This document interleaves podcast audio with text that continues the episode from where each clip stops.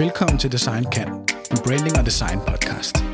Din vært er brandspecialist og partner i AM Copenhagen, Christina Maj Pris. I dag skal vi tale om møbeldesign, og derfor har jeg inviteret to af Danmarks førende designere inden for feltet ind i studiet. Det er Chris Halstrøm. Du er designer og kunstner. Du er uddannet i 2007 for det Kongelige Akademi. Øh, og så lavede du dit eget studie umiddelbart, eller dit eget studie umiddelbart efter du blev øh, uddannet i 2007 og laver blandt andet møbler for både Skagerak, Plus Halle og Design Within Reach. Og Claus Jacobsen, velkommen. Tak. Øh, du er designer, partner og produktansvarlig for møbelvirksomheden Million CPH. Tidligere så har du været øh, både produkt- og designchef for, øh, for Mutu og for Hey igennem en, en årrække. Og så er du i sin tid også uddannet fra det Kongelige Akademi.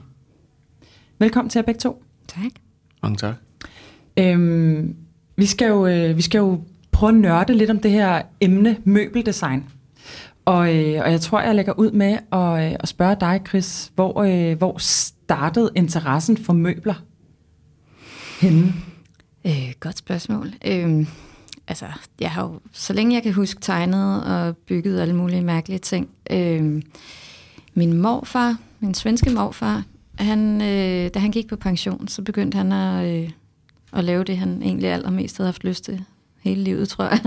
Han var slagter, men da han gik på pension, så begyndte han at bygge havemøbler til hele den landsby i Sverige, som, øh, som han boede i. Så, og der kan, jeg kan stadig, hvis man kører igennem den by, kan jeg faktisk stadig se nogle af hans gamle havemøbler stå rundt omkring. Vi har også nogle selv. Og der fik jeg jo lov at være meget med i hans værksted. Min mormor har lært mig at strikke og hækle og alt muligt håndværk. Så det har ligesom altid været der på en eller anden måde. Jeg troede, jeg skulle være billedkunstner øh, fra starten af, men havnede på en skole. Øh, jeg boede i Stockholm en del år, og havnede på en skole der, hvor jeg gik på sådan en trælinje. Og der fandt jeg ud af, at, øh, at det var der møbler, jeg skulle lave der.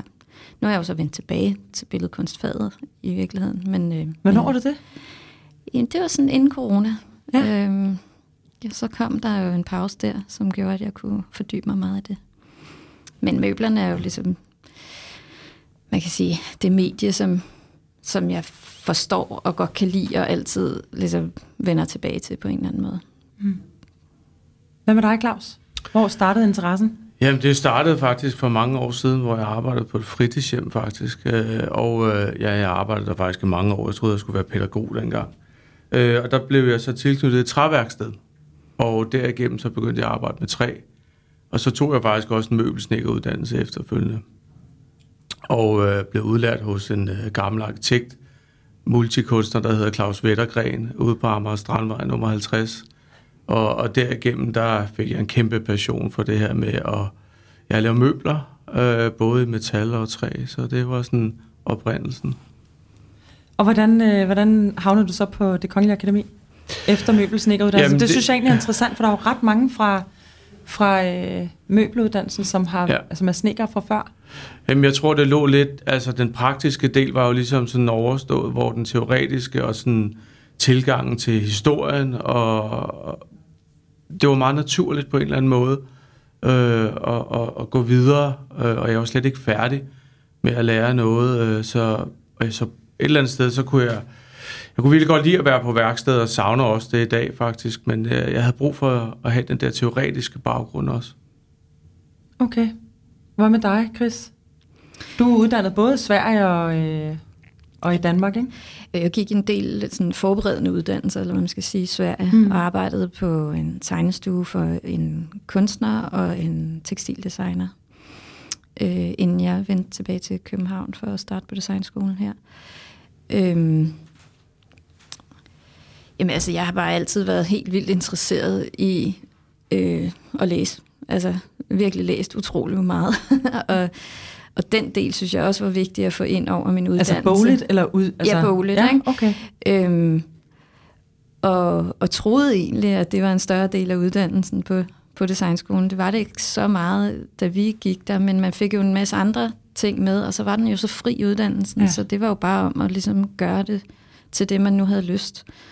Og det var, jo, det var jo ret fantastisk at have fem år på den måde og dykke ned i, hvad man nu ville. Så har jeg jo efterfølgende undervist rigtig meget på designskolen. okay. Øh, Blandt på den nye andet, uddannelse? Ja, på den nye uddannelse. Det er jo sådan ved at være nogle år Ja, siden. vi kan ikke kalde den ny længere. Nej. det er bare fordi, vi er den gamle. ja. øhm, men, men hvor, øh, hvor det især har været det her med at implementere øh, teori i en praktisk designproces, som jeg synes er vildt spændende. Altså, det hænger jo sammen, og, øh, og det, øh, det synes jeg er helt vildt vigtigt at, at, at opdyrke en, en evne til som designer, så man øh, kan argumentere for det, man laver. Mm. Det, øh, det synes jeg der er det aller, aller vigtigste, at vi faktisk kan pege på, hvorfor vi gør, hvad vi gør. Hmm. Hvorfor lige møbel, Claus? Hvorfor ikke industriel design, eller...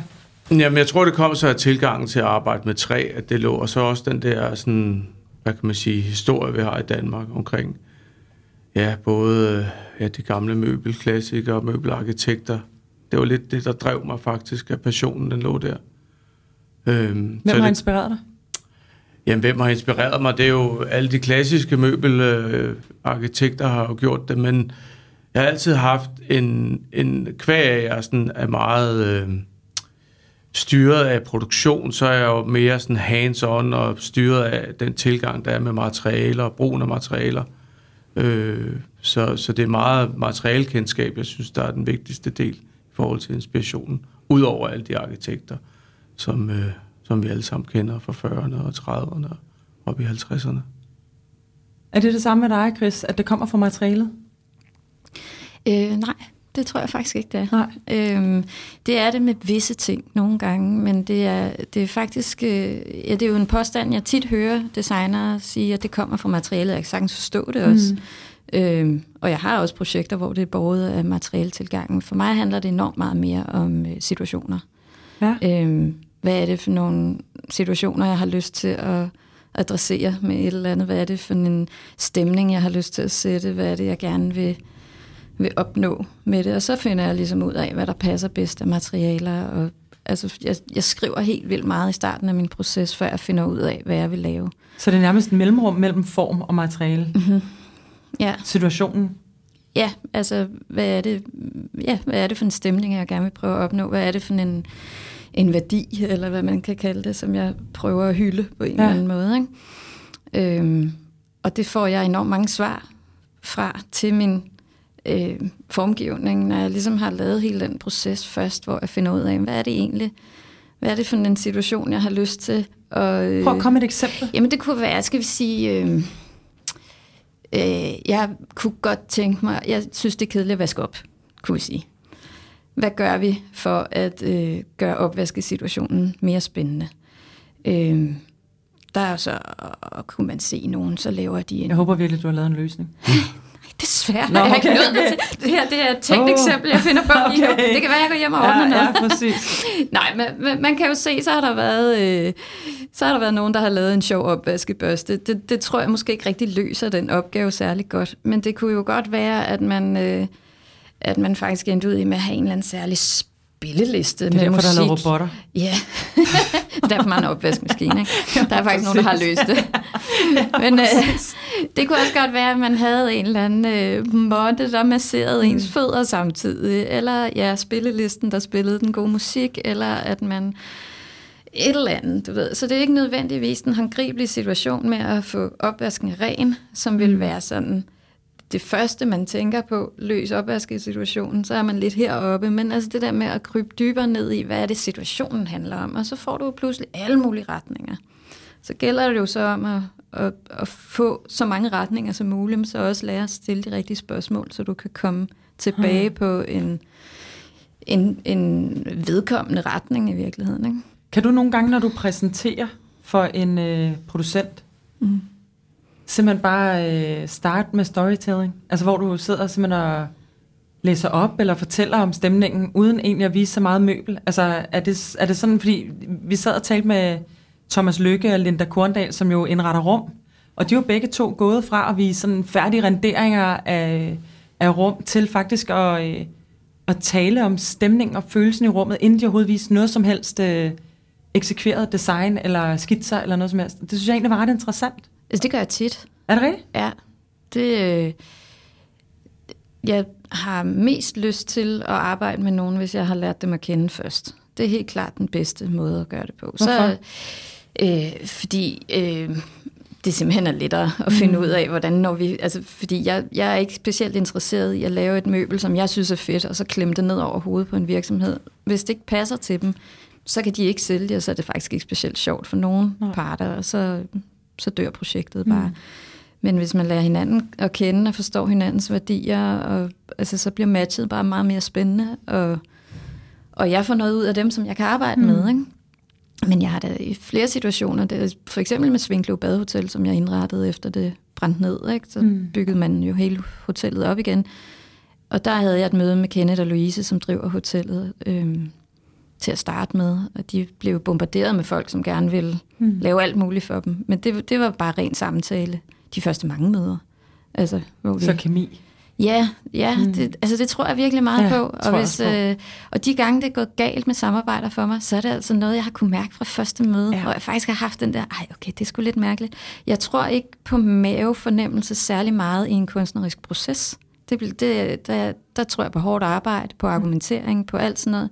Men på mødet med mennesker, der, kan, der, der, der synes jeg, at øh, mavefornemmelsen, den er, den er til at føle på. Altså. Når du siger kunstnerisk proces, mm. mener du så deler du kunst og produkt op der? Eller taler du bare nej, nej, om designprocessen? Nej. Ja, bare designprocessen. Okay, okay. Eller, ja, i det hele og der taget. synes du ikke, der er så meget mavefornemmelse? Fordi jeg ser jo mavefornemmelsen som sådan en intuition eller akkumuleret data, man har samlet sig hen over hele sit liv. Så på en eller anden måde Lige er der netop. Den ja. akkumulerede data. Altså det er mm. erfaring. Mm. Der er jo ikke nogen, der fødes med intuition for noget som helst. Det Nej. er jo erfaring, ja. man opbygger over en lang overrække, så det er da klart, at jeg godt kan tage nogle beslutninger hurtigere, mm. og måske også endda bedre nu, end jeg kunne for 10 år siden eller 20 år siden. Men øh, så, så en eller anden form for intuition har jeg da selvfølgelig opbygget. Mm. Men jeg vil hellere tale om, om erfaring, og ja. jeg vil hellere bygge mere og mere på min erfaring og se det som, som målet i virkeligheden. Øhm, og have argumenter helt i orden hele vejen ja. igennem processen. Det synes jeg, at og det er jo også der, hvor en proces i mine øjne bliver sjovere, og, øh, og, og, og man kan udvide den meget mere, end hvis man ligesom ikke har noget at holde mm. sig til. Ikke?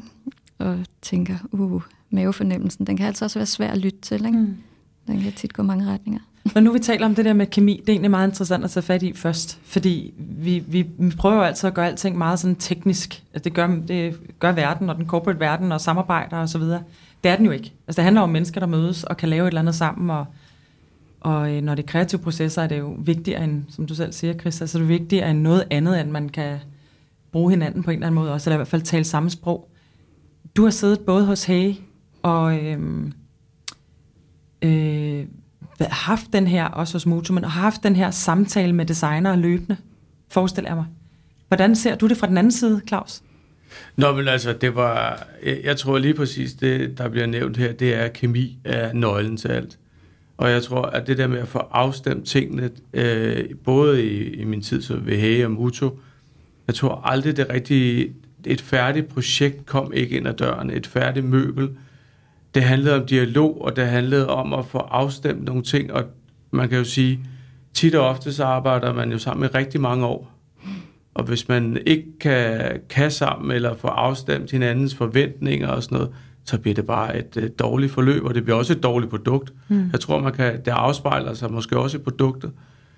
Og folk er jo vidt forskellige jo, og folk skal takles på mange forskellige måder, så som producent, der er det jo også meget at, at læse den designeren og læse øh, behovet og få afstemt tingene, og det kan man jo kun ved dialog og få afstemt kemien. Så det der med at, at, at egentlig bare snakke om tingene, og måske ikke snakke sådan specifikt om, hvad vi skal ende med at, at, at have ud af det her samarbejde, men bare få afstemt nogle ting, det, det er sindssygt vigtigt. Mm. Og det er det også i dag. Altså, jeg tror bare, at det at arbejde sammen, det altså, som du selv nævner, altså der er jo sindssygt mange brands, der er sindssygt mange designers, så jeg tror også det der med at, at gå på arbejde og kunne, kunne kunne gøre sit ypperste for at, ligesom at lykkes, så skal man altså også være sammen med nogle mennesker, man gider at være sammen med. Mm. Altså, det, det er virkelig vigtigt. Ja. Altså. Det, er jo, det er jo vildt interessant, det kommer vi til at komme tilbage til. Det er jo vildt interessant, det der med, at vi med, med dig, Claus, og din baggrund, at du har været på begge sider, kan man sige, ikke?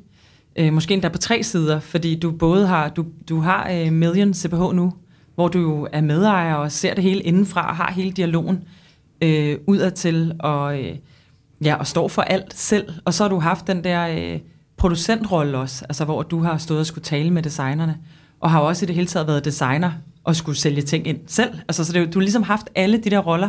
Kan du ikke prøve at sætte lidt ord på, om det har bevæget sig, eller om der er forskel fra dengang, du startede øh, øh, ved Muto eller Hey, eller altså, he, he, altså har, det, har, det, har det bevæget sig? Har hele den her sådan, måde at arbejde sammen med designer på ændret sig?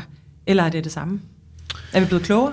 Øh, både ja og nej. Altså, jeg tror lidt, altså processen i sig selv er jo nok mere eller mindre den samme. Men før i tiden handlede det meget om, om, om hastighed faktisk. Nå. Og go to market i forhold til at være toneangivende og være de første. Øhm, og i takt med, at, at vi booster så mange produkter ind i markedet, som der er nu, og så mange øh, virksomheder, der er, og så mange... Altså jeg vil virkelig som forbruger virkelig tage mig nogle gange lidt til hovedet og tænke, hvad, hvad skal jeg med det her? Hvad er det for nogle produkter, jeg skal vælge? Øhm, men hvis vi lige vender tilbage til, til udgangspunktet og, og hvordan det var at arbejde med designer og, og hele den der proces omkring udvikling og sådan noget, så har den jo sådan set ikke ændret sig så meget, fordi procesforløbet er nogenlunde det samme. Øh, man kan så sige, det er jo, hvis man tager virksomhederne i Danmark, det er stort set de samme designer, de arbejder sammen med, og tingene bliver også produceret de samme steder, og de bliver også solgt de samme steder. Øh, så det er jo sådan lidt... Der er ikke sket meget. Nej, det er der faktisk ikke. Øh, så hvis man skal kigge på, på en difference, så skal man kigge på udlandet, man skal kigge på, på nogle andre kontinenter i forhold til en forskellighed og måde at gøre det på, fordi vi gør tingene stort set ens herhjemme, vil jeg sige. Er vi fremme i Danmark, eller er vi bagud? Jeg ved, du arbejder meget internationalt, Chris, så det kan være, at du har et øh, billede af det. Jamen, altså, nu, min største kunde herhjemme er Skagerak, mm. og øh, fra jeg startede den virksomhed til nu, har de jo været igennem en kæmpe forandring, som jeg øh, er helt vildt stolt over at få lov at være med i. De kæmpe jo, bæredygtig forretning. Ja, de blev Beep Corp certificeret mm, øh, og, og har jo i virkeligheden langt før mange andre begyndte at tale om bæredygtig produktion, så var de det faktisk. Altså, de brugte FSC-certificeret træ langt før alle andre, og, og råbte ikke højt om det eller noget, men så det synes jeg har været vildt spændende at se deres forandring, og, og, og kan jo også se, at hele B Corp er, øh, er jo meget voksne i Danmark. Øh, kigger man på Sverige, så er det nærmest ikke eksisterende med den certificering for virksomheder. Så det er ret interessant, at det har vundet indpas i Danmark. Øh, og det kan, det, det kan jeg da håbe er noget, der mm. spreder sig lidt som ringe i vandet med så andre i forhold til bæredygtighed, ser du, at Danmark er et skridt foran, i, i hvert fald i forhold til Norden? Altså jeg ved ikke, om de har nogle tilsvarende certificeringer i Sverige og Norge? Altså det tænker jeg vel, de har, men...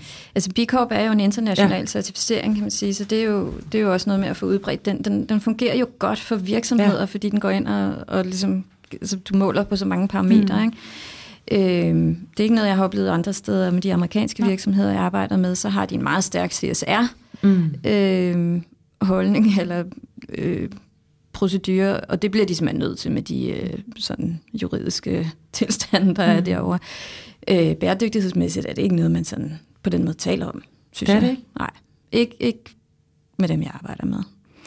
Det, øh, man kan sige, fordi de har den CSR-holdning, de har, så øh, arbejder de sammen med virksomheder, som har tingene i orden. Selvfølgelig. Men øh, altså, jeg ved ikke, om man går ind og vælger en eller anden bæredygtig skum i øh, de polstrede møbler. Eller, altså det, det, det synes jeg har været lidt svært at gennemskue faktisk. Hmm. Og der er du som designer, føler du et ansvar? Altså kan du være med til at skubbe den agenda, eller er det en lukket dør, når du arbejder internationalt? Jeg synes ikke, det er en lukket dør, men jeg synes, at det er svært at komme igennem med. Mm. Øh, jeg, kan, jeg kan ønske alt muligt, og jeg kan prøve at sige, at jeg vil ikke arbejde i de og de materialer, eller så kan jeg jo prøve at designe mig ud af det projekt, på, mm. eller ud af de materialer, som jeg ikke har lyst til at bruge. Øhm, det er jo skidesvært for designeren at få lov at, at bestemme hele vejen igennem, når man arbejder med så store virksomheder. Så kan jeg jo tage det valg ikke at arbejde med dem, mm. hvis jeg ikke kan stå inden for det. Så, så det er jo det, jeg må gøre. Og så arbejde med nogle virksomheder, hvor jeg ved, at, at øh, produktionen er. Øh, ja, ja, jeg har ja. sagt nej til mange, hvor jeg simpelthen ikke har kunne få svar på, om, om produktionen var i orden. Og det, det, det er jo rart mm. at kunne tage ja, det. Og, og, og det er ikke dermed sagt, at man kan gå hen og kigge på alle mine, mine møbler og så sige, hey, det der, det er bare 100% ja. hele vejen igennem. Det ved jeg da godt, det ikke er. Det, sådan er det jo, når man er en produ- producerende virksomhed. Mm. Det bedste er jo ikke at lave noget, kan man sige. Ikke? Ja. Øhm, men jeg synes, det, jeg synes det er bare, vi bliver nødt til, altså det er bare noget, vi bliver nødt til at, tage, at tænke over. Og, og den måde, jeg gør det på, det er jo så at vælge nogle virksomheder, hvor jeg i hvert fald ved, at der er en eller anden form for ansvar. Ikke? Hmm. Igen, Claus, nu har du været i forskellige virksomheder og har din egen nu. Hvordan, lad os tage den med bæredygtighed med det samme. Altså, hvordan har du set den bevægelse igennem? For den, der er jo øh, ved Gud i Danmark i hvert fald Jamen, helt ved sikkert. at ske et kæmpe paradigmeskift, heldigvis. Jamen altså, man kan jo sige, det er jo, det er jo startet for mange år siden. Mm. Og da jeg selv stiftede min egen virksomhed, så kunne jeg jo selv bestemme, hvor jeg producerede og hvordan jeg producerede.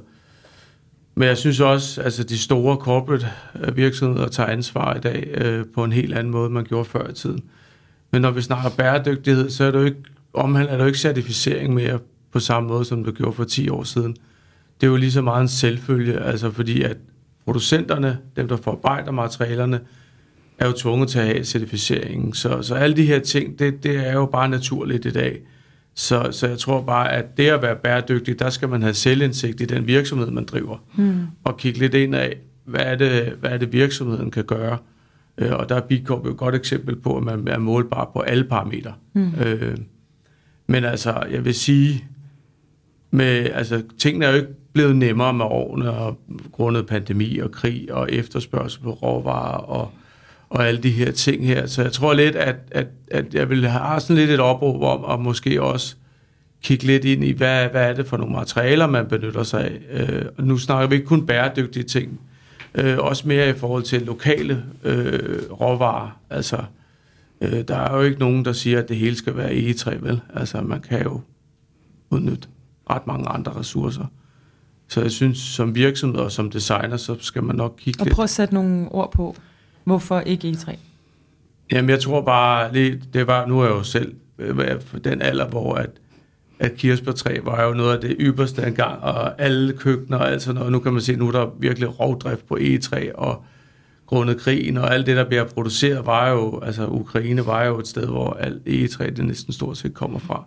Så det smitter sig jo af sådan nu i forhold til, at man ikke kan, altså det er jo en råvare, der slet ikke kan skaffes mere, men det er måske også en vare, som man på en eller anden måde også, hvis du ikke sådan kan, kan stå inden for, at, at hele fødekæden, den, den er velfungerende, så skal man måske også kigge lidt et andet sted. Nu er det kun tre, jeg snakker om, men sådan generelt. Så frem med kirsebærtræ igen? Eventuelt. Pæretræ? Nej, øh, jeg ved God det ikke. Jeg ved det ikke. Altså, hurtigt voksende træ, græn, fyr, det kunne sagtens være et eksempel. Altså, ja. hvad er det for nogle krav, vi har til tingene? Og med den kultur, vi lever i dag, med at man måske ikke rigtig gider at se på tingene så mange år, så er der jo ikke, nogen, altså, der er ikke nødvendigt at lave de her hårde tre ting på samme måde. Mm. Jeg synes, vi stiller enormt mange store krav. Og det er klart, at forbrugeren sætter, er jo vant til at sætte store krav i dag. Og det omhandler både pris og kvalitet og holdbarhed, mm. fordi det er, jo, det er jo dyre ting, folk køber i dag. Hvad synes I? Det, det, det skuer nemlig altid i mig, når jeg hører det. Og det kan være, at det simpelthen er nu, vi skal aflive den en gang for alle. Jeg synes jo meget ofte, når vi taler bæredygtighed med kunder, at øh, deres take på bæredygtighed er, at øh, det kan holde længe. Ja, det er det, og jeg, jeg er så træt af. Og jeg synes nemlig, det er, jeg synes, det er sådan en øh, forfærdelig sovepude. Jamen, vi laver noget, som kan holde rigtig længe, og det er jo den ypperste form for bæredygtighed. Og det er jo simpelthen ikke enig i. Altså, jeg så en, øh, en ret sjov øh, dokumentar, som er lavet i 2001. Det var en engelsk dokumentar om dansk design. Og, øh, og der, det, det var meget tydeligt, at man ikke talte om øh, bæredygtighed på den måde, som vi taler om det i dag. Og øh, samtlige designere, der deltog i den her, det handlede om, at det skulle kunne tåle årets slitage. Ikke? Det er også fint nok, men det må jo være et grundelement ja, i at designe. Altså, faktor. Ja, det, altså, lige så snart vi... Altså, jeg ved da godt, der er masser af virksomheder, som kun designer øh, dims og gøjl, som skal være til i år, og så smider man det ud til næste år. Det vil jeg jo egentlig ikke rigtig kalde en designvirksomhed nærmest. Nå. Det er jo bare sådan... Det er FMCG for produkter. Det burde nærmest afskaffes meget. Ja, ja gerne. Ikke? Altså, så, så altså, det er jo bare et grundkrav, at når man designer noget, så, så må man da gå ud fra, at en, mm. en alvorlig designer prøver at lave noget, som er holdbart på den måde. Ikke? Mm. Altså, så at bruge det som... Jeg synes også, det er en sovepude at, altså, at, at skulle sige, at det er, det er rigeligt. Mm. Hvis bare man laver noget, der er pænt, så er det rigeligt. Det er, det er altså, i hvert fald en måde at lukke hele kædeansvaret af på, ikke? og så øh, kun se frem. Mm. Hvad tænker du, Claus? Nå, det er, jo, det er jo en fortolkning, og jeg tror også bare, at, at inden for design, altså møbeldesign, så er tendensen jo også, at vi spejler os meget i mode. Og, og, og hvis, hvis vi ligesom skal følge den øh, tendens og hele det her setup, så, så giver det jo ikke mening. Altså, så, altså jeg tror jo, det der med at, at den der grundighed og, og ligesom bestræbe os på at ligesom at gøre tingene lidt anderledes og være mere detaljefokuseret og ja, tingene skal være holde og tingene skal være smukke i mange år og patinere flot. Men det er jo lidt en selvfølge. Mm. Altså i stedet for, hvorfor, hvorfor, hvorfor skabe noget, hvis du ikke kan stå inden for det? For, altså det er jo ikke det, der skal være det bærende. Nej. På nogen måde. Nej. Øhm, og så kan man tage udgangspunkt i en stemning, man kan tage udgangspunkt i et materiale, men man kan måske også tage udgangspunkt i, i mange andre ting og personligheder, og der er så mange muligheder i dag. Mm. Så, så bryde lidt den der tilgang til tingene, det, det tror jeg vil være sundt. Og så kan man sige, altså, der, der kan være mange, der sådan, åh, men så laver vi flatpack og alt muligt. Ja, men der skal designet jo stadig være i orden, ellers er det jo lige meget. Eller, ja. så, så det er jo sådan, selvfølgelig skal hele mm. øh, cirklen jo sluttes med, med alt fra produktion til det gode design. Mm. Og, øh, det, det er klart. Så øh, Claus, hvad er godt design? Nu sidder vi ved et ret flot bord her, ikke? Jo, det har du mærke til det? Der er i hvert fald kæle for detaljerne, Det er et meget, meget flot bord. Det kan være, du kan tage et udgangspunkt i det. Nå, det er jeg kommer jo, faktisk det er også jo... i tanke om det lige nu, at det er et million CPH-bord, vi sidder ved. Ja, jeg ville ikke lige nævne det før, det synes jeg var lidt søgt. Men det er jo, jeg har så ikke jo, kun fået det, fordi du kom i dag. altså der er det de sidste 5%, der tæller 100%, fordi det er jo detaljen jo, hvordan det er forarbejdet, hvordan det er samlet. Det er, det er jo super let aflæseligt øh, design øh, og nogle materialer, som, som man har brugt i mange hundrede år. Men det er, jo, det er jo igen den der dimensionering og detaljegraden, der gør, at, at det kan forsvares. Er det dig, der har designet det, eller har I en designer på? Det er mig, Jens, der har Det er dig, Jens, ja. der har designet det? Okay. Så det kom så faktisk af nogle, nogle borer, vi lavede op til Jens' tidligere kontor i E-Types. Så det er sådan et, øh, en, en, en, en spæd start for noget, der bare er bygget på løbende. Øh, og ja. Det er sindssygt flot. Og meget enkelt og meget mm. forståeligt. Og det, det tror jeg er noget af det, jeg synes, der gør design smukt. Det er jo, at, at, at simpelheden, det, det er det, der ligesom er, er det smukke. Og du kan godt blive ved med at designe borer? Altså jeg vil sige, i forhold til, til, til Millenresiet, så, så er det jo så er det jo det, vi næsten lever af. Det er vores borer i forskellige størrelser og kombinationer. Og det skifter jo sindssygt meget karakter, når man ændrer materialet og farverne. Mm. Men jeg, jeg tror lige for at vende tilbage til, hvis man tager sådan lidt forbrugersynspunkt i forhold til design, så er den vare, de får i dag, meget, meget forringet i forhold til tidligere, fordi at der er nogle omkostninger i dag som virksomhed, som skal betales både med transport mm. og mm. sådan noget som emballering. Den fylder enormt mange øh, procentdel af, af kostprisen i dag. Og det gør bare, at du står Hvorfor med... gør den mere det nu end tidligere? Jamen, det er jo baseret på den måde, vi håndterer tingene på i dag, og hvordan vi sender tingene fra A til B og, og, og eksporterer tingene. Så, så emballagedesign fylder jo virkelig meget i dag, og, og er en stor kostfuld ting i forhold til produktet. Også en stor faktor i forhold til ja, bæredygtighed. Lige præcis. Og, og jeg tror også, at man skal passe på med at, at, at kigge ind i det der, fordi nogle produkter, der er 60% øh, emballering, og det sidste, det, mm. det omhandler designet og produktet. Så hvad er det, man får ud af det, ikke? Mm. Det er jo sådan noget, hvor det kunne være rigtig interessant, hvis store virksomheder øh, havde små produktioner rundt omkring i verden. Så Lige præcis. Dem, øh, der købte ind i Brasilien, de, øh, de havde en fabrik i Brasilien, der producerede i brasiliansk træ, mm. som passer til de hjem, der nu er der. I USA var det måske noget amerikansk E, og så havde vi noget birketræ i Sverige eller et eller andet.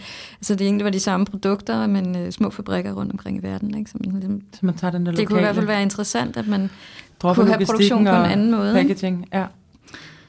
Og det har man gjort. Altså, det er jo, sådan i 80'erne, så var det jo sådan noget, man kunne sælge sælge licenser. Ikke? Ja. Altså, så I Australien har de jo haft deres egen produktion af danske klassikere. Det bliver jo ikke fragtet fra Danmark til Australien. Det bare produceret derude, selvfølgelig. Det giver mening. Ja. Og så er der nogen, der havde den licens til at gøre det. Ikke? Øh, og så har man nok glemt det lidt på et tidspunkt, men øh, det, det er jo sådan noget, synes jeg, der giver mening i hvert fald. Hvis man gerne vil have en stor global virksomhed, så, så tænker jeg, at man skal begynde at tænke i nogle andre produktionsmåder i hvert fald. Ja, og materialer. Ja, det er måske okay, at øh, en stol er lavet i noget andet, en mm. anden træsort i det land, fordi det, altså det kan jeg da se, når jeg arbejder i USA. Vi, nogle af de møbler, jeg har lavet for Skagerak, dem har vi lavet valnød kun til det amerikanske marked, mm. fordi det er det, de vil have. Mm. Og heldigvis passer det også, det er faktisk blevet enormt pænt. øh, men det, det er der ikke nogen, der køber i, i Europa, så derfor er der ikke nogen grund til at... Hvorfor er der ikke det? Prøv lige at fortælle lidt om, øh, hvad... Det er, for, det, jamen det er nok lidt det, som nogen har med kirsebær også, ikke? Mm. At det er måske lige... Det minder om et eller andet. Ja, og det kan godt være, det er lidt tilbage, jeg ved det ikke. Men altså, jeg tror, der er nogen, der har, at det er lidt altmodisk på en eller anden måde, ikke? Jeg synes, det er ret pænt, men jeg har aldrig... Øh, jeg har heller aldrig været så snobbet omkring træsorter. træsnop. Er du træsnop, Claus? Nej, det er jeg ved Gud ikke. Altså, jeg kan huske, at jeg gik på designskolen, lavede også nogle møbler i fyrtræ og sådan noget. Det var, det var virkelig rammeskrig, men, men, men det er faktisk meget, nu vil jeg bare lige vende tilbage til den der community-del af licensaftale. Jeg tror fremadrettet, så tror jeg, at der, der, der er så mange øh, små organisationer, der spiger op, og, og, og, og ting, der kan flyttes, og Altså nu, nu er vi jo ikke, eller vi jo ikke, altså digitalt, der er vi jo ikke afhængige af afstand jo. Men det tror jeg heller ikke, vi beder på den lange bane. Jeg tror også, at der kommer alle mulige små hops rundt omkring i verden, der kan supportere brandsene i forhold til afsætningskanalerne i de enkelte lande der. Det synes jeg er en enorm fed tilgang til tingene. Mm. Og jeg håber virkelig, at også mindre virksomheder har jo selvfølgelig nemmere ved det, men også de store tager ligesom initiativet og, og måske også øh, tænker den mm. retning.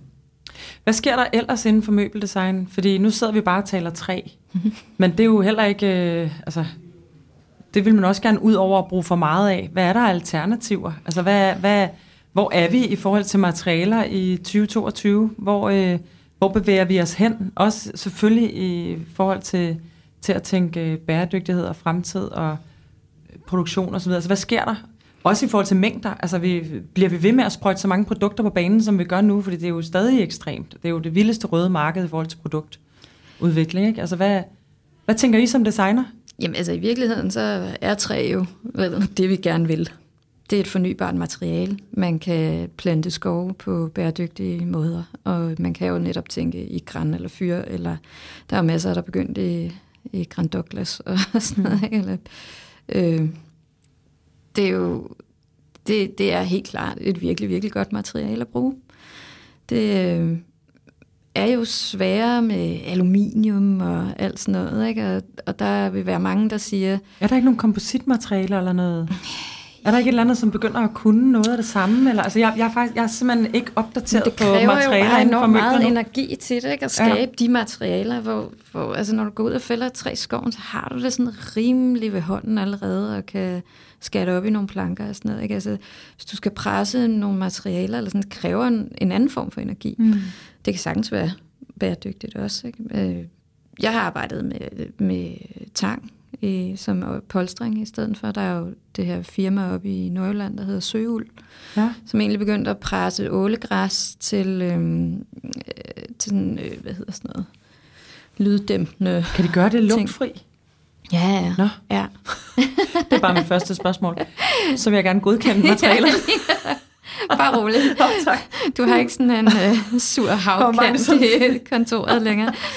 Nå, det er ret genialt, fordi du høster jo ålegræsen gratis. Ja. Øh, og, og i 80'erne havde vi et problem med, at der var mangel på ålegræs, øh, så der måtte man selvfølgelig ikke høste, men altså det, meget af det skyller jo op på stranden alligevel, mm. ikke? og er faktisk godt af at blive høstet i, i moderate mængder. Så det er jo, der har vi jo igen et materiale, der bare vokser helt af sig selv. Mm. Der er ikke nogen, der dyrker det. Der er ikke nogen, der er ikke, der er ikke nogen omkostninger ved, at det bliver dyrket.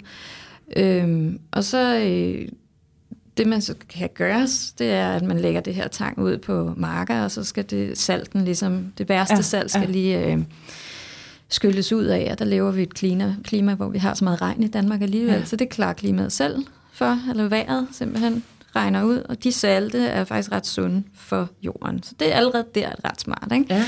Og så kommer det ind og bliver presset til sådan nogle modder. Der er så en lille smule binder i, men det er stadigvæk som materiale. Det vil sige, det bliver hårdt, eller hvad? Nej, det er bare så, det ligesom hænger sammen. Mm. Faktisk er de her modder, de er sådan rimelig bløde. Nå. Øh, og dem har vi så prøvet at bruge i en madras, jeg har lavet for A. Petersen, som er en lille virksomhed ude på Amager. Øhm, Hvordan er det gået? Ja, det går fint. Nå. Øh, det er så især japanerne, som synes, at det er top. Er det sådan lidt Dollar. tatami Nej, det, hårdhed? Eller? Nej, ja, det var de i starten, da vi selv pressede dem. Ikke? Øh, nu er de faktisk, altså fordi de, det firma Søul, der har faktisk fået sådan en, en god spændstighed ind i det. Det er noget, vi gjorde for 100 år siden. Getama, hvad er det, det betyder? Det hedder G-tangmadrasser. Nå, De startede jo med at lave tangmadrasser, ikke? Det, det så vi jo på. det. Mm. Ja, altså så blev polyester opfundet i 50'erne, og så er der jo bare en hel masse, der er røget fløjten efter det, ikke? Så, så det er jo også nogle gange bare at kigge på, hvad gjorde vi før i Ja. tiden? Det er jo sgu smart nok, og det Ja. krævede ikke særlig meget energi. Øhm, lad os da gøre det igen. Og sådan en tangmadras, du behøver jo ikke at imprægnere den med noget som helst, for der er så meget salt i, du kan jo ikke brænde, du kan jo simpelthen ikke sætte ild til det. Og det er jo det store problem også med polstrede møbler. Der er jo simpelthen så mange. De skal jo i princippet stå ude i 15 år, før det dunstede af og er sundt nok til at proppe ind i en stue. Ikke? Øhm, på grund af giftgasser?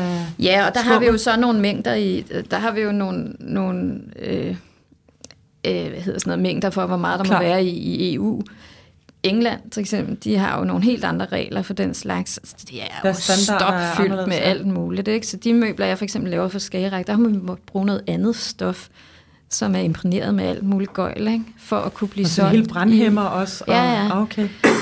Så der har du også allerede, altså det er jo tit bare at gå tilbage og kigge på, hvad har vi gjort før i tiden? Det er ikke så svært. Øhm, og der men i det hele taget kunne jeg jo godt tænke mig, at man havde en, en, øh, en bedre dialog med den almindelige forbruger om, mm, hvad er... Fordi de fleste ved jo ikke, hvad skal vi Nej. gå ud og købe? Nej. Øh, øh, nu tænker jeg, at det, den her bordplade er sikkert fineret, ikke? Jo, Ja, og det tror jeg, de fleste er sådan en billig løsning, eller et eller andet. Hvis vi går 100 år tilbage, så var det altså den, det, det var det fineste, du kunne gøre. Og det fede er, at du har en bordplade, som, øh, øh, som ikke går og slår sig. Øh, på den måde holder produktet også længere. Prøv at forklare, hvorfor den ikke slår sig til dem, der ikke Ja, kender så det meget er til rigtigt. møbeldesign. Hvis man finerer en bordplade, så består det jo af nogle øh, tynde, tynde lag træ. Altså man skærer simpelthen en, øh, en træstamme op i sådan nogle helt tynde blade, kan man nærmest sige. Ikke? Eller sådan. Og dem, øh, dem kan du så lægge på en MDF-plade for eksempel. En MDF-plade er jo sådan en, det er jo en form for kompositplade, sådan en Hmm, ja. møbelplade. Ikke? Øhm, den er helt formstabil. Øh, så det betyder, at, øh, at den ikke slår sig. Øh, en massiv træbordplade, den kan jo lige pludselig få en revne, eller jeg tror, de fleste kender, at, øh, at det pludselig kan stå og blive lidt ujævnt, eller sådan, hvis, hvis ikke øh, konstruktionen er lavet ordentligt. Og det kommer du jo ud over med sådan en fineret bordplade, og, øh, og tit kan du jo finere den, så du sagtens, altså, selvom der kommer et hak i, så kan du altså godt reparere det alligevel. Så det er, sådan, det er egentlig en ret god løsning. Mm. En, en god måde at bruge materialet på. Du får meget ud af en træstamme på den måde. Ja. Og det kunne jeg godt tænke mig, at, at den almindelige for- forbruger fik den historie mere, at det ikke er en billig løsning at lave en fineret bordplade. Det kan det også være, men det er faktisk også en god løsning. Det er sjovt, så vi taler i virkeligheden om en, sådan en uh, brandopgave i forhold til materialer, eller en brandopgave i forhold til møbeldesign. Altså det synes jeg, nu sidder jeg i projektstøtteudvalget for kunsthåndværk og design Statens Kunstfond, og det er i hvert fald noget, vi har diskuteret enormt meget, og vi kan fornemme det. Jamen det, det er simpelthen det, vi skal, vi skal ud og snakke om materialer og for den helt gængse forbruger, ikke? De forstår, hvad det er, Noget de uddannelse. køber. Ja. ja, det synes jeg. Hvad gør du der tanker om det, Claus? Nå, men det er jo meget sjovt, fordi at den der, den der forbrugeroplysning der, før i tiden, der var det jo forhandlerne eller brandet, der formidlede den her tilgang. I dag er forbrugerne meget mere oplyst. Øhm, især noget med pris, anskaffelsesværdi, øh, og så også øh, brandidentitet, altså hvad kigger man ind i, hvad er det for brand. Man køber meget ind i brandet i dag, frem for hvad det er for et produkt, man køber. Ja. Men, men apropos det der med nye materialer, folk er ikke oplyst omkring de der ting, og, og derfor så, så er forståelsen Altså folk kigger mere på, når de skal købe en ny sofa, hvor mange Martindale har, har den her sofa her øh, i, i tråd om, at de kommer til at slide sofaen op eller hul i stoffet. Det kommer aldrig til at ske. Aldrig. Øh, så, så de der parametre, det kigger på, er måske også en lille smule forringet i forhold til behovet. Men, men jeg tror også, som brand, der skal man nok være bedre til at oplyse øh, de her valg, man tager i forhold til produktion og materiale. Det er jo enormt svært jo især med sådan nogle, altså gå lidt tilbage i tiden, men også i forhold til nye materialer, for det er jo enormt bekosteligt i opstartsfasen at, at kommercialisere det. Og, og det er jo forbrugeren, der lidt sætter dagsordenen i forhold til pris i dag. Mm. Det er ved at ændre sig. Man, man, køber, man køber jo ind på en anden måde, og man køber i heldigvis, så har jeg også lidt, lidt forståelsen af, at, øh, at folk ikke køber på samme niveau, som de har gjort før, og skifter ud på samme måde, eller upcycler, eller køber genbrug. Men, men jeg tror også, at, at, at også som producent eller som, som designer, vi, vi skal simpelthen tænke os lidt bedre om i forhold til at booste det her marked. Altså jeg tror, det er vigtigt lige at, at træde lidt på bremsen. Altså jeg kan huske, da jeg startede branchen, der var det jo en nyhed. Det var jo, hvis Fritz Hansen kom med syveren i en ny farve. Ikke? Mm. Altså det er jo ikke gældende mere. Man skal jo være, altså have brugt x antal kroner og researchet og brugt alle mulige øh, tryllekunstnere for at finde det her nye materiale og stå på en messe og brugt en halv million på en messestand nede i Milano. Ikke? Mm. Det, er, det er ikke... Øh, det er lidt for meget sådan cirkus over det, synes jeg, på en eller anden måde. Og hvem gør, laver man det cirkus for? Jamen, det er jo sådan en underlig øh, cyklus, der er, ikke? Altså, jeg får sådan med jævne mellemrum med en e-mail fra magasinerne. Hvad har du af nyheder? Jeg har ikke nogen nyheder. Altså, det, det tager flere år at lave et møbel, ikke? Altså, der, jeg har ikke nyheder hver måned. Bare, I behøver ikke skrive til mig. Altså, øh, og det er jo, det, det har jeg da spurgt mig selv om mange gange. Hvad, hvem gør man det her for? Mm. Så en gang imellem. Så, altså, jeg var så clickbait? ja, altså det kan man da godt nogle gange tænke, og det har jeg da nogle gange hørt på, da jeg selv gik på designskolen, var der jo ikke uh, Instagram eller den mm. slags, mm. og de studerende viste heller ikke ting i, i magasiner og sådan noget. Det gør de jo nu, heldigvis. Så synes mm. jeg, altså, det, det er jo en sådan helt anden ting, at det, at være færdig for en designskole betyder jo så, at man skal ud og arbejde utrolig længe bagefter, før mm. der ligesom sker noget. Ikke? Øhm, sådan er det jo ikke med andre uddannelser. Men, og rigtig mange, der slet ikke arbejder med design bagefter. Ja, det, det, er, det, er jo, det er jo svært, det der. ja. Men altså, der, der kan jeg da godt mærke, nu har jeg haft nogle studerende, sådan, ej, det gør så godt på billedet, det der. Ikke? Hvor, mm. hvor det var jo ikke noget, vi tænkte over, da vi gik på designskolen, fordi det, det var ikke ligesom, det var, det var slet ikke et parameter. Nej. Øh, og det, Ej, det var mere, hvordan oplevede man det? Hvordan sad man i det? Hvordan, ja, lige netop. Ja. Den der sådan helt fysiske ja, forhold. Det var ikke Instagram-faktoren. Nej. Og, og den er jo super vigtig, og det har jeg da kunne mærke her under øh, corona, hvor, hvor jeg ligesom er kommet ud med, med de her, ja, den kunst, jeg laver. Altså, der er simpelthen så få mennesker, der har set det i virkeligheden. Hmm. Men som, ja, som kun har set det i sådan en lille bitte hmm. billede på en telefon, ikke? og så kan de åbenbart godt tage stilling til det alligevel. Og det er jo også ret vildt, så det, ja, er jo, det, er vildt. det skal man heller ikke undervurdere, hvad det er. Men altså, ja, hvem gør man det for? Ikke? Det er jo det der spørgsmål. Det var ret interessant, at der var et år, hvor Skærak gik fra at have et eller andet 40 nye katalognumre, og så året efter havde de to nyheder, ikke? Det, der var sådan, okay, nu, det her, Stop. det holder simpelthen ikke. Hvad er det, vi mm. gør det for? Altså, hvorfor skal vi lave så mange nye mm. ting? Det er der ingen grund til. Lad os lave to gode ting. Det kan man så tjene lige så meget på, som 40 ja. halvdårlige, ikke? Ja. Øhm, og det er jo bare at ture og lægge sin tankegang om, ikke? Øhm, og det tror jeg og håber på, at vi vil se i fremtiden, at, at, at der vil være et skift i, øh, i hvor mange nye ting, der skal komme hvert år. Ikke? At vi ikke følger den der modeverden på den måde. Med at, altså det var jo lige før, før corona var det næsten sådan, at man havde, havde efterårskollektioner og forårskollektioner ja. inden for møbler. Jeg sådan, okay, der er havemøbler, og så er der indendørsmøbler. Det kan jeg blive enig om, at der er det, sådan det. Ikke? Altså, der er, der er ikke sæsoner. Jeg tror også, det er et kæmpe konkurrenceparameter for de her virksomheder. Mm. At, at booste de her nyheder. Og øh, så er der selvfølgelig arkitekterne, altså dem skal vi jo ikke glemme, og udover forbrugerne og, og retail-delen, så, så er det også lidt, at de har vendet sig til, hvordan tingene er. Mm. Øhm, og lidt forventer også nogle ting, som, som måske ikke er, er realistiske mere. Men altså, jeg tror, at det er meget baseret på det konkurrenceparameter i forhold til ja. brandsene. hvem der konkurrerer med flest nyheder, og hvem der arbejder med de bedste designer og sådan noget. Det et eller andet sted, hvis jeg skal være helt ærlig, så til gode ser det måske heller ikke specielt meget forbrugeren. Nej, Altså, Nej, det, de er ikke. sgu lidt ligeglade, hvis ja. Jeg skal være helt ærlig.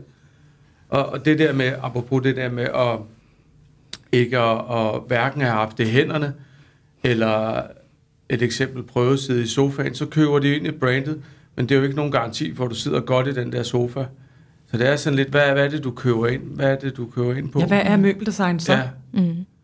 det er, det er ret ekstremt. Ja, Hvordan er det at, øh, at drive øh, Million CPH? Hvordan er det at drive en virksomhed med møbler? Og Du har jo hele designbaggrund, men hvordan er det game?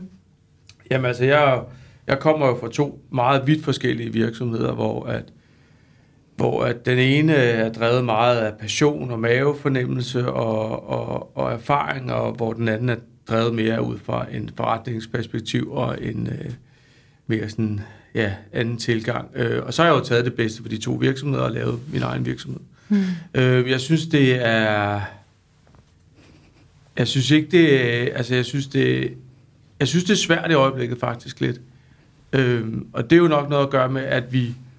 Nu lancerede vi i 15, og, og mark, altså det er jo nemt at have en virksomhed i dag. Du, øh, og lave en designvirksomhed i dag. Du kan outsource lige fra salg til produktudvikling til, til, til marketing. Øh, så på den måde, så, så tror jeg, man så der i 19, 20, 18, at det bare boostet med alle mulige brands. Og i dag, der bliver de jo fusioneret og købt op. Og det er- kapitalfond? Ja, lige præcis. Og, og, og den der fusioneringsdel, det er også en nødvendighed, fordi der er, der er alt for mange aktører, så jeg tror også, at Er det også en nødvendighed med kapitalfondene? Hvordan ser du på det? Fordi der sker jo, der er jo en kæmpe bevægelse. Og Ja. det er der også med designbureauer, vil jeg sige, altså, som vores. Men jeg tror ikke, altså ja, om det er nødvendigt eller ej, jeg tror ikke, det er så lukrativt at, at være i møbelbranchen, som det har været.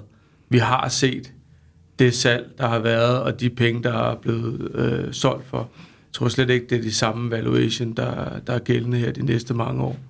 Det tror øh. du ikke? Nej, det tror jeg ikke. Jeg tror ikke, øh, det, det er blevet svært. Det er blevet svært at, at med produktion at gøre. Det er svært at have en virksomhed i dag. øhm, Og det er jo klart også svært at være en lille virksomhed. Ja, Fordi at øh, dem, der har pengene, dem, der har kapitalfonden, ja. de booster det på en måde, som vi slet ikke har set før.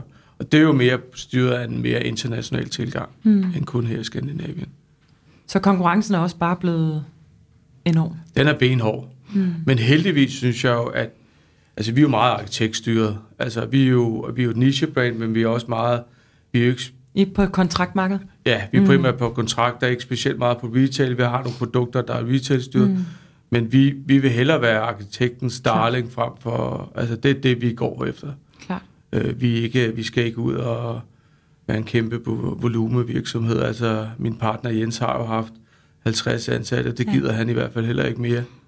Godt bruge lidt flere end tre personer på kontoret, men, men, men, men lidt, lidt mindre størrelsesorden, og så tror jeg også bare at være, være vedholden og, og, og være lidt styret af sin passion. Altså, Mm. hvis man kan vælge, og så styrke det bedst muligt. Altså, det er jo, det handler selvfølgelig også om økonomi, men man Mm. prøver lidt at holde sig til den agenda, man i sin tid har lavet, og gøre det, man er god til. Mm. Og så i jeres tilfælde er det jo især også, I lægger jo rigtig meget vægt i brandet. Altså, og det er jo Mm. en lang, det er jo et, et langsigtet, øh, hvad kan man sige, forretningsperspektiv, ja. fordi hvis det er brand, man bygger sådan ægte brand, så tager det tid. Mm. Og så er det jo ikke, så er I jo stadig en startup. 100 procent. Øhm, hvor at man kan sige, man kan jo godt komme ud og bryde igennem med noget hurtigt, og så er man glemt lige så hurtigt, når man lukker. Men, men det, I har gang i, er jo sådan en, øh, det er jo en helt, et helt andet game. Det er et langt, sejt Det træk. er et langt sejt træk, men det er også det, der lønner sig i den sidste ende, ikke? Jo, altså jo, helt sikkert. Og jeg tror også bare det der med at være tro mod det, og bare være vedholden, det er mm. det, der driver det. Mm. Øh, men det er en rejse, altså jeg kan da også huske, at jeg gik på designskolen som designer. Jamen, Det tager 10 år at slå igennem, og, og så skal du have x antal produkter. Hvem sagde det? Jeg kan faktisk ikke huske, hvem der sagde det af lærerne, men det var sådan lidt det, det blev skræmt kommer med, ikke? Og, og en vis procentdel ender jeg nede på tankstationen. Det kan godt være, at I har lært en proces, men, men, men I 80 kommer... procent ender på tankstationen, ja. Kan jeg huske. Ja, det er det. Øh, Eller i børnehave, eller ja. et eller andet. Ja. Ja, men altså skolen har jo også ændret sig sindssygt Ja, meget. Ja. Øh, ja, så det er jo også, det er også nogle andre designer, der kommer ud af, end, Mhm. end da vi blev uddannet. Hvad er forskellen? Jamen, altså, vi er jo... Jeg tænker, vi er håbløst gammeldags, og begge to, ikke? Eller, nu skal jeg jo selvfølgelig ikke tale på din vej. Jeg kan jo tale på min egne vegne, og, og den måde, jeg sidder med min lille tegnestue og, øh, og tegner møbler på, og ikke er sådan specielt samarbejdende i større grupper. Og sådan, altså, det er jo nok en lidt uddøende race i forhold til at når vi kigger på, hvad har vi egentlig brug for? Altså, hvad, hvad skal design egentlig kunne i det samfund, vi lever i i dag? Er der brug for flere, der, der, laver, øh, der laver pæne møbler, ikke? Altså, har vi ikke, har vi ikke nok? Selvfølgelig har vi brug for en udvikling, og jeg kommer også til at blive ved med at lave møbler, selvom jeg sagtens mm. øh, kan, kan sige til mig selv tit, at det... det du kan godt se det ambivalente. Det er da totalt ambivalent. Ja, ja. Altså, det, jeg kæmper da ekstremt meget med mm. at være være producerende på den måde. Og det har så også gjort, at jeg egentlig holder en pause fra møbler i øjeblikket. Ikke? Jeg broderer de her store værker. Jeg er ved at lave en dokumentarfilm om arkitektur og design og sådan noget. Så det prøver ligesom nogle andre ting af. Ikke? Jeg har lige min midtlivskrise nu, ja, hvor jeg ja, skal fedt, noget fedt. andet.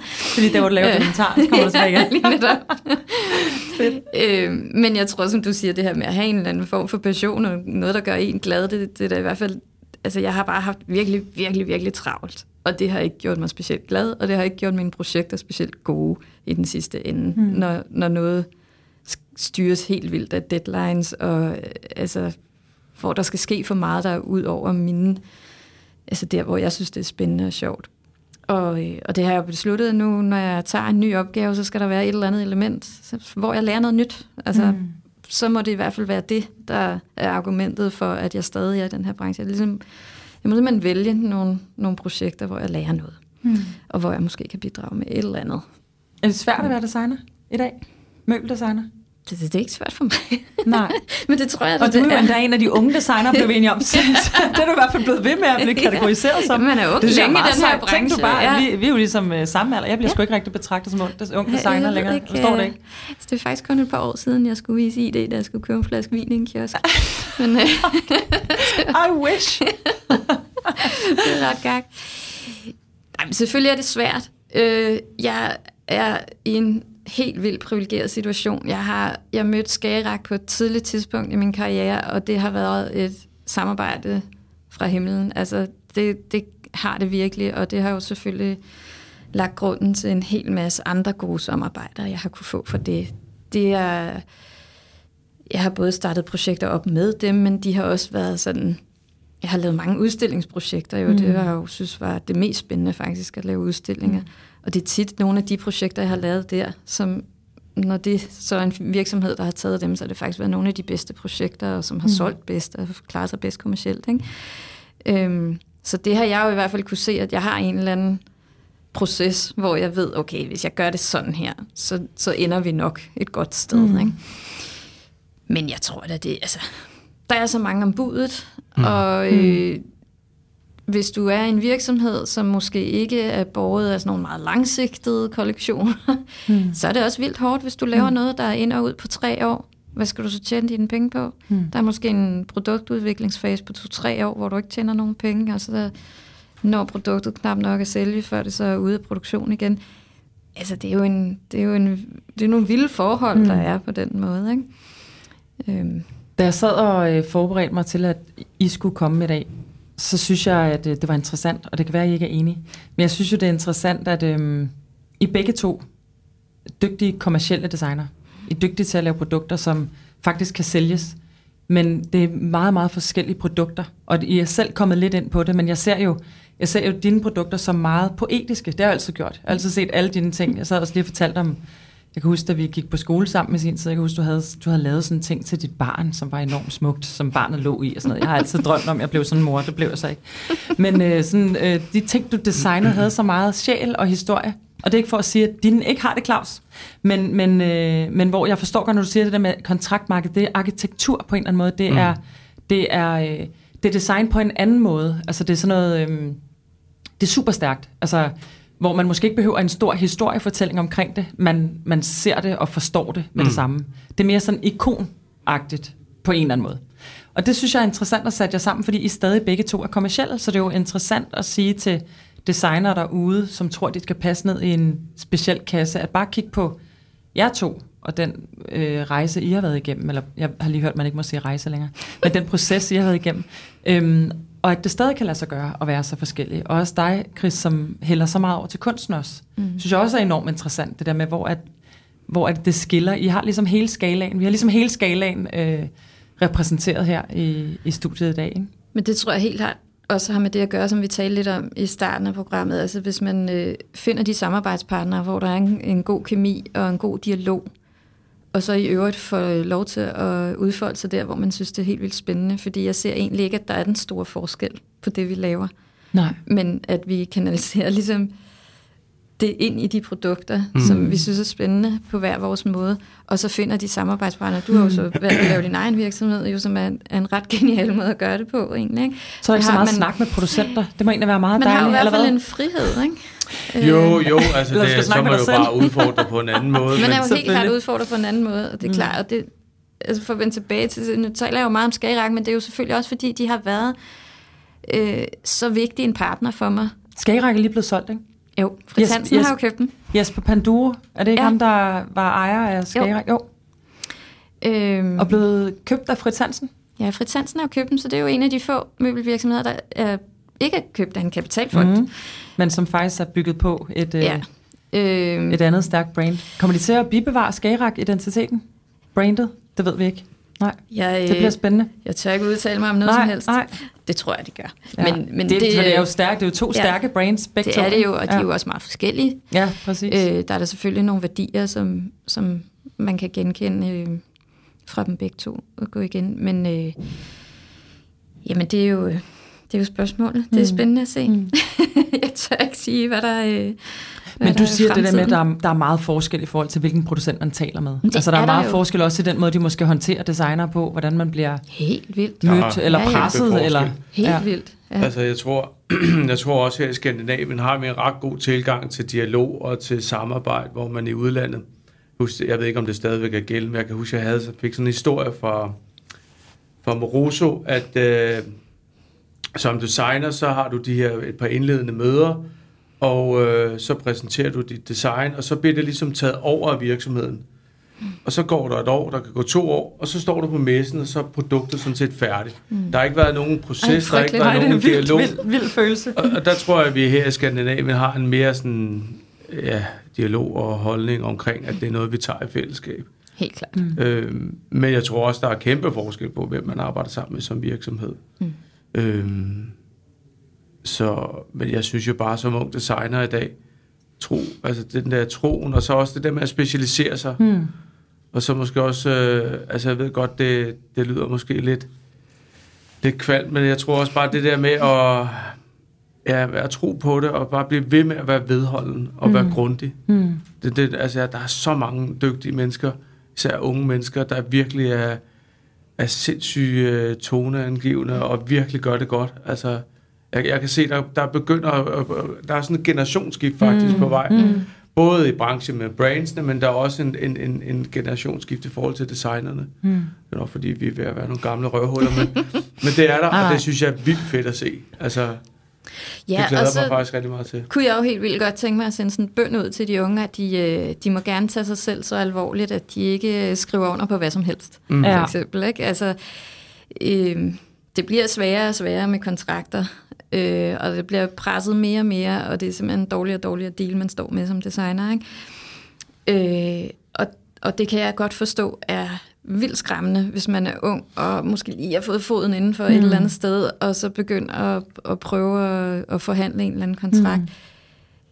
Men øh, oftest, så kan man sgu komme rimelig langt, hvis man Mm. mm. bare tør. Jeg har været sådan rimelig... Øh, Ja. no bullshit med det der helt fra starten faktisk, fordi jeg bare nægtede Ja. at, at, skrive under på noget, der, der var dårligt. Ikke? Øhm, og de fleste steder, så, så ryger man jo ikke ud igen på, på knæ og albuer. Altså, de er jo sådan, det er jo også faktisk noget med at sætte sig selv i respekt på en eller anden måde. Det tror jeg ikke, man skal være så bange for. Og lige sådan, hey, det her, det er ikke fair. Nej. Altså, jeg skal ikke gå ned til 0,75 procent, bare fordi I sælger rigtig meget. Ej, det eller jeg et eller andet. ikke, at der er nogen, der bliver presset ned på nu. Ej, jeg tror, Ej, det... Oh. Hvis det er så ekstremt, det lyder også... Men jeg ved også, Og men sådan en kontrakt har jeg lige siddet med. Er det rigtigt? Den har jeg ikke skrevet under Nej, på. nej, nej, okay, før det lyder godt var, nok vildt. var procentsatsen jo meget højere. Jeg kan huske, det er i dag. 6 procent, da vi Ja. gik på designskolen. Der, jeg gik ja. Også på rum og møbel. Der kan ja. Jeg huske, at vi sådan ligesom havde sådan en... Royalty-procenten ligger på Ja. ja. 6 procent, og man tænkte, det, det kan man godt, det kunne man godt lave nogle beregninger på. Det kan mm. godt blive godt, det her. Mm. Men man var jo på ingen måde forberedt på designskolen til at skulle gå ud og have de her samtaler. Og det ved Slet jeg ikke, om man er nu. Men jeg kan Øh. huske, fordi jeg, jeg vandt den der Erik Jørgensen Mhm. møbelpris i sin tid, og havde en masse dialog med, med, med dem. Mhm. Og, øh, og jeg synes, at det var enormt spændende, men jeg fandt meget hurtigt ud af, at min tålmodighed rækker ikke til at lave møbler. Min tålmodighed rækker ikke til det her samarbejde, der kommer til at ske fra... Altså, jeg har også startet et helt andet sted i forhold til møbler. Min interesse kommer et andet sted fra, ikke?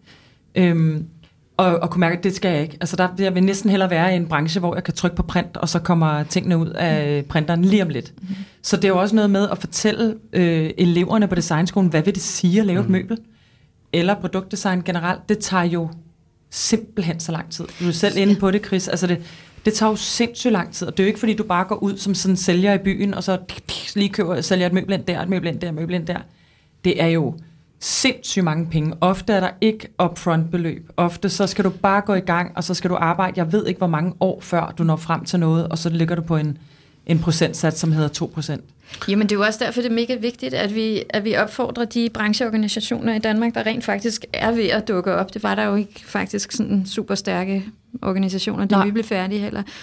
At de, at de, øh, at de presser politikerne. Vi bliver simpelthen nødt til at have noget lovgivning på, at, øh, at når man laver projekter, der strækker sig over øh, to-tre år, så bliver der jo nødt til at være en eller anden Ja, form for betaling. Øhm, og helst heller ikke en upfront, fordi det skal være noget, du... altså, du får... Jamen også fordi øh, det upfront, arbejde, ja, det bliver jo sådan et... øh, Det, bliver bare sådan et trukket af et din ondt- royalty i den anden ende, en, eller en Ja, ja. ondt lån, ikke? Som, Ja. som øh, Ja. ikke kommer til at give noget. Og det har man faktisk... Øh, det var sjovt, fordi da jeg var sådan rimelig tidlig i min karriere, der, der arbejdede jeg med en spansk virksomhed, og de har faktisk, lovgivningsmæssigt, så skal du have minimum 1.500 euro i en sketch fee. Nå. Og det er jo ikke vildt mange penge, men bare det, at der ligger Ja, en lovgivning præcis. fra statens side om, at du... At, det gør jo, at, at der er en seriøsitet omkring Mm. det arbejde, en designer udfører. Præcis. Og den, den øh, synes jeg, vi skal tale højt om. Og, og, Ja. øh, altså, fordi hvis man kigger på det, jamen alle de store virksomheder, der tjener masser af penge på møbler, det er jo fordi, der har siddet en designer og tegnet noget godt. Præcis, præcis. Selvfølgelig skal de der også have deres del af kagen. Altså, det er der overhovedet ingen diskussion om. Men det er sjovt, fordi det, jeg har egentlig aldrig sammenlignet brancherne på den måde, men i vores branche, som jo er at bygge brands eller lave identiteter, så har det jo også været meget normalt, at man er kommet ud til pitches. Så en virksomhed har inviteret tre, fire bureauer, måske flere, og så bedt dem lave et oplæg på en visuel identitet. Altså reelt bedt dem lave hele projektet. Ja, for det er Nærmest. jo der, du laver projektet. Så laver man projektet, og kommer ud og præsenterer det, og så, øh, og så nej, desværre, du fik den ikke. Og der er ikke noget, der er ikke noget fee for at lave den her gratisopgave. Arkitekter gør det jo i stor stil mm. stadigvæk, ikke? Hvor at det, er vi jo, altså det har vi jo taget fuldstændig afstand fra hos AM. Der- Vi laver ikke gratis pitches. Det er jo fuldstændig sindssygt at ringe til elektrikeren og sige, kan du ikke lige være sød og komme og skifte nogle stik? Jeg jeg jeg har spurgt tre andre ele- elektrikere, om de også lige vil komme og- skifte nogle stik. og så bagefter finde ud af, hvem er jeg, jeg synes, det ville være fedt at arbejde sammen. Men forresten, jeg havde en fætter, som Ja. var sindssygt god til at skifte stik, så ham tager jeg. Altså, det er jo helt vildt unfair, og det er det jo også i jeres tilfælde. Jeg forstår godt det Ja. der med, at man kan sende nogle designs ind og sige, altså, så kan man sende et virkelig godt design ind til tre forskellige producenter og sige, at nogen, der er interesseret, fordi Jo, jo, man har lavet det. Ja. Det er noget andet. Mm. Men Mm. det der med at blive inviteret ind til et gratis pitch, synes jeg jo burde være intet mindre end ulovligt. Nej, nej, man burde jo tage en eller anden form for ja, en betaling for det i forhold til, fordi du, du frigiver rigtig mange oplysninger omkring mm. det, du laver. Præcis. Så, du som kan du, ikke selv siger på med det. identitet, du kan jo næsten også øh, tage projektet og ligesom øh, eksekvere på det, men jeg tror også det der med at være en proces med en virksomhed, øh, og det kan tage et år, det kan tage to år, men man glemmer også, det tager også et til to år, før det bliver realiseret i forhold til noget indtjening, mm. altså i forhold til salg. Selvfølgelig. Så der kan jo gå fire år, mm. før man overhovedet ser en krone som designer. Så det der med at få indarbejdet noget, en handlingsplan og et fee, og ikke nødvendigvis opstartsgebyr, men så har man så nogle, nogle gate points i forhold til nogle betalinger, og når man så afleverer, så er der en ny betaling, så man ligesom deler det ud. Det tror, det tror jeg virkelig vil være en god måde at, Ja. at håndtere det på. Og der, jeg vil bare sige, der er penge til det. Altså virksomhederne er der har det. råd til det. Så det er lidt noget pjat. Ja. Altså, Ja, men selvfølgelig. Det er simpelthen der er bare simpelthen dårlig, dårlig vane, dårlig Ja. stil, Ja, et ja. eller andet, der skal ændres, ikke? Ja, fuldstændig. Og det er, Det er jo altså, ekstremt svært at komme ud og være designer. Møbeldesigner. Det er jo Det er det. ekstremt svært, hvis vi siger... Altså, hvad, hvad pokker skal funde dem for at nå op på at have de der 10-15 royalties, som mm. så kører? Altså, og hvis vi taler fire år. Nå, Hvad men gør altså altså Nationalbankens jubilæumsfond var det min arbejdsgiver de første fem år af min karriere. Jeg er meget taknemmelig. ja, ja. Men det er desværre ikke for alle. Nej, altså, det er, nej. jo, det er jo super kompliceret. Ja, det er det. Og det, og det kræver noget politisk øh, indblanding. Øh, fordi det, så længe det ikke er, er påbudt fra en virksomhed og mm. behandle folk ordentligt, så er det jo også svært at, Mm. at, at få det i den retning. Ikke? Er der et eller andet øh, råd, I vil give til fremtidige studerende her på faldrebet? Et eller andet... For der bliver jo sprøjtet designer ud alle vejen. Hele Ja. verden sprøjter designer ud. Det er jo en meget, meget populær øh, uddannelse, Uddannelse. inden for alle genrer. Ja. Så vi ser jo øh, nye folk på gaden hele tiden, som skal arbejde med de her ting. Er der et eller andet godt råd? Advarsel? Et eller andet? Gå i en anden retning, måske. Drop det ja. Nej, altså jeg tænker jo, måske er det jo også noget med, at det, det, det er jo noget, jeg møder tit, den der forventning om, at det er et super glamourøst liv at være designer. Altså mest af altid er jeg jo på min tegnestue alene og hygger mig. Ikke? Altså, det kan jeg jo godt lide, men så er der en gang imellem, man er ude til en prisoverrækkelse eller et eller andet, og det sker jo hver tredje år. Ikke? Det er jo ikke, fordi det er et glamourøst liv øh, på den måde, men jeg tror, det jeg vil jeg er, jeg er ligesom lige sådan en generation, hvor vi stadig havde dyrket den der altså møbelkunstneren ikke? og den synes jeg, at vi skal væk fra. Ja. Altså, det er ikke det, verden har brug for længere. Vi har brug for nogle øh, løsninger, der er med til at redde verden. Vi har brug for innovation. Ja. Og det, det håber jeg da, altså, det vil jeg da i hvert fald opfordre til flere samarbejder, på, altså tværfaglige samarbejder, mm. hvor altså, designeren kan så sindssygt meget i rigtig mange sammenhænge, og jeg håber, at, at mange flere virksomheder, som ikke nødvendigvis er en produ- producerende virksomhed, kan se mm. øh, det smarte i at ansætte en designer i forskellige sammenhænge. Ikke? Så faktum eller rådet herfra er, at, eller konstateringen er, at der er brug for designer som aldrig før.